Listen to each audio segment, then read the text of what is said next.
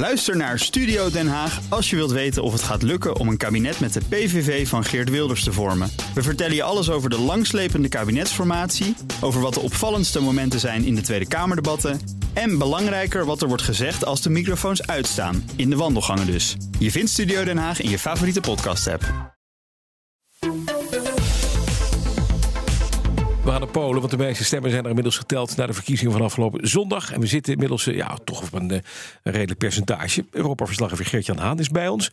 Hij sprak ook over die verkiezing met waarnemers van de OVSE, is nu bij ons. Geert-Jan, hoe staat het erbij op dit moment? Hoeveel stemmen zijn er geteld? Goedemorgen Bas. We staan op uh, 99,93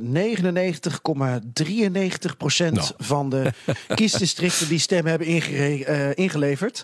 Dus ehm, ik denk dat we er bijna zijn dan. Ja, dat denk ik ook. En de verkiezingsuitslag definitief, komt die dan vandaag? Komt er inderdaad straks een, en het, het verhaal, nou dit is het wel. Ja, er staat om eh, 12 uur een eh, persconferentie van de kiescommissie eh, gepland. Wat best knap is, want er was hier een recordopkomst. Eh, inmiddels volgens mij bijgesteld naar 74% van de Polen is gaan stemmen. Ook heel veel stemmen uit het buitenland. Ja. Daar wordt ook nog eh, voor een deel op gewacht. En voor een deel ook nog een beetje mee getreiterd, zeggen sommige eh, mensen. Dat er waarnemers in Edinburgh zijn voor eh, Polen in Schotland. Die hebben eh, geteld, maar dat die al 37 uur vastzitten in hun stemkantoortje. Omdat ze eh, maar niet de ratificatie van de protocollen krijgen. En ze willen niet weggaan, want ze vertrouwen de regering niet. Nou ja, daar komen we zo over te spreken. Dus Ja. dat soort incidentjes, dat zijn er nog. Ja, precies. Maar toch, als we even kijken naar de, de, de nummers 2 tot en met 4. Drie pro-Europese partijen. Tusk is de, is de grootste. Die hebben de beste papier Ja. om te gaan formeren. En, dat- en ik zag ook eigenlijk een beetje een soort acceptance speech van, eh van Kaczynski. Die heeft gezegd van ja, we hebben het niet gehaald.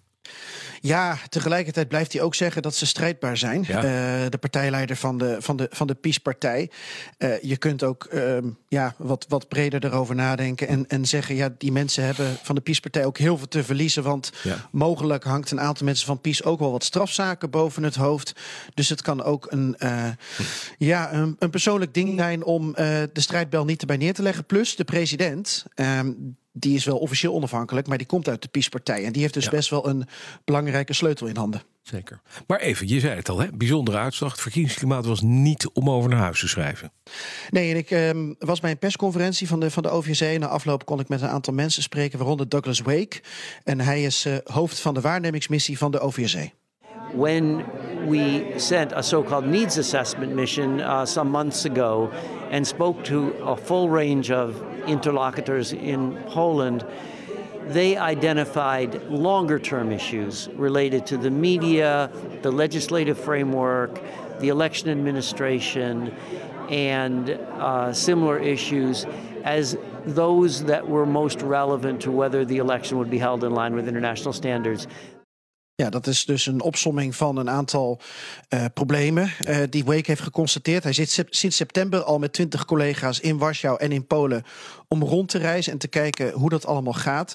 En ja, ik stelde Wake daarna de vraag: hebben deze verkiezingen, ehm, ja, als je zo'n opsomming maakt eh, en al die verhalen hoort, dan niet in een heel giftig klimaat eigenlijk plaatsgevonden? Heeft u dat geconstateerd? Yeah, we don't use the word poison, but certainly uh, very significant intolerant rhetoric, some of it um, xenophobic, misogynistic. Yes, this was unfortunately a problem. It was a problem in all types of media, um, and it was a problem online, which we also followed through uh, uh, our social media analysis and our analysis of online portals. Ja, en eigenlijk, Bas, was er gewoon heel weinig positiefs over deze verkiezingen te melden. Eh, toen ik de persconferentie volgde, toen zaten er vijf mensen eh, achter een tafel. En eh, die noemden telkens dezelfde positieve dingen. Ja. De recordopkomst van 73 procent. Dat de stemmers overenthousiast waren. En dat de verkiezingsdag zelf kalm verliep. Maar alles eromheen was gewoon heel matig georganiseerd. Dus kiesdistricten die werden aangepast zodat de regeringspartij makkelijker zetels zou kunnen winnen. In een regio waar zij dan goed vertegenwoordigd zijn. De verkiezingen waren niet eerlijk en gelijk voor alle politieke partijen. En een collega ehm, van meneer Wake bij de OVSE, die zei ook... ik vergelijk de Poolse verkiezingen met de Amerikaanse midterms. Die had hij ook genomen. En hij zei dat is ook vergelijkbaar qua verbale aanvallen en polarisatie. Ja, en jij hebt die Douglas Wake ook gevraagd om één specifieke aanbeveling. En toen zei hij dit. What I would maybe rather focus on is that the recommendation to uh, have a clear separation between the state and party in terms of resources Ja, dat heeft prioriteit. Dat, dat uh, zien we in andere landen gelukkig wel. In Polen is dat nog wel in, een, een dingetje om op te, te, te bediscussiëren, begrijp ik? Ja, een groot uh, probleem. Omdat de overheidsfinanciën dus lijken te zijn ingezet bij de campagne van de regeringspartij. Ja. Uh, omdat publieke media overduidelijk op de hand waren van de regeringspartij. Ik zat gisteravond zelfs nog om 11 uur even tv te kijken. En in één minuut krijg ik toch vijf dingen langs waarvan ik denk: dit zou toch in Nederland net niet helemaal kunnen. Um, omdat staatsbedrijven op de hand waren van de regeringspartij. Een voorbeeld is dat referendum dat is georganiseerd. Dat falikant is mislukt trouwens, maar er was geen controlemechanisme voor om te checken welke financiën daarvoor werden gebruikt. En dat leek dus ook heel erg op een PiS-referendum, de regeringspartij, in plaats van een referendum vanuit de overheid. En dat maakt dan de scheiding tussen staat en partij zwak. Ja, en dan toch hè, met die opkomst in dit verkiezingsklimaat toch knap dat, uh, dat Tusk en die, uh, die, die semi-verenigde oppositie het gelukt is om een meerderheid te krijgen. Ja, en dan zit je eigenlijk te wachten op uh, hossende Polen. Maar die beelden die krijgen jullie niet van mij. Sowieso lastig over de radio. Maar, um, radio, maar ik zie ze zelf ook niet. Want iedereen uh, volgt dit verkiezingsproces. En ziet dat het inderdaad die verenigde oppositie lukt. om waarschijnlijk aan de 250 zetels te komen. Ten opzichte van 210 voor de twee andere partijen die mogelijk zouden samenwerken. Mm -hmm. Maar niemand lijkt het nog te willen geloven. En ja, het mandaat gaat eerst ook naar uh, PiS, omdat dat de winnaar is.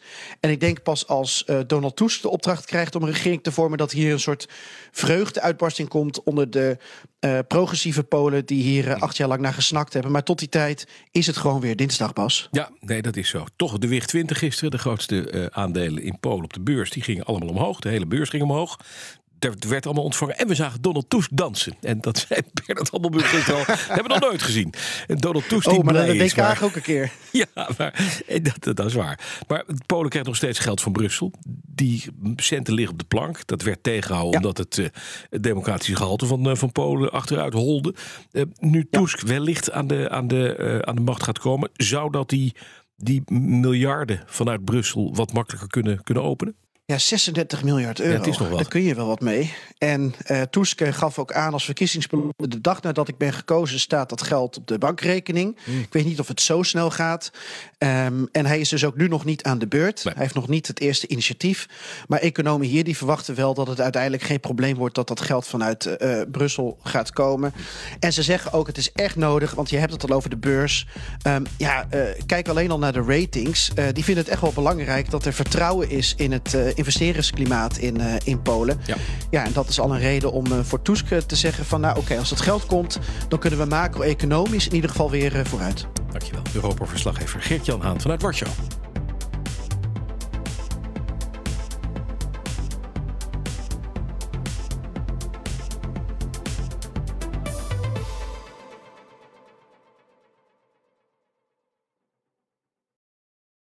Ook Hugo Reitsma vind je in de BNR-app. Superhandig die BNR-app. Je kunt alle programma's live luisteren, breaking nieuwsmeldingen.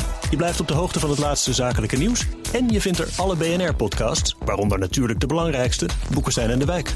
Download nu de gratis BNR-app en blijf scherp.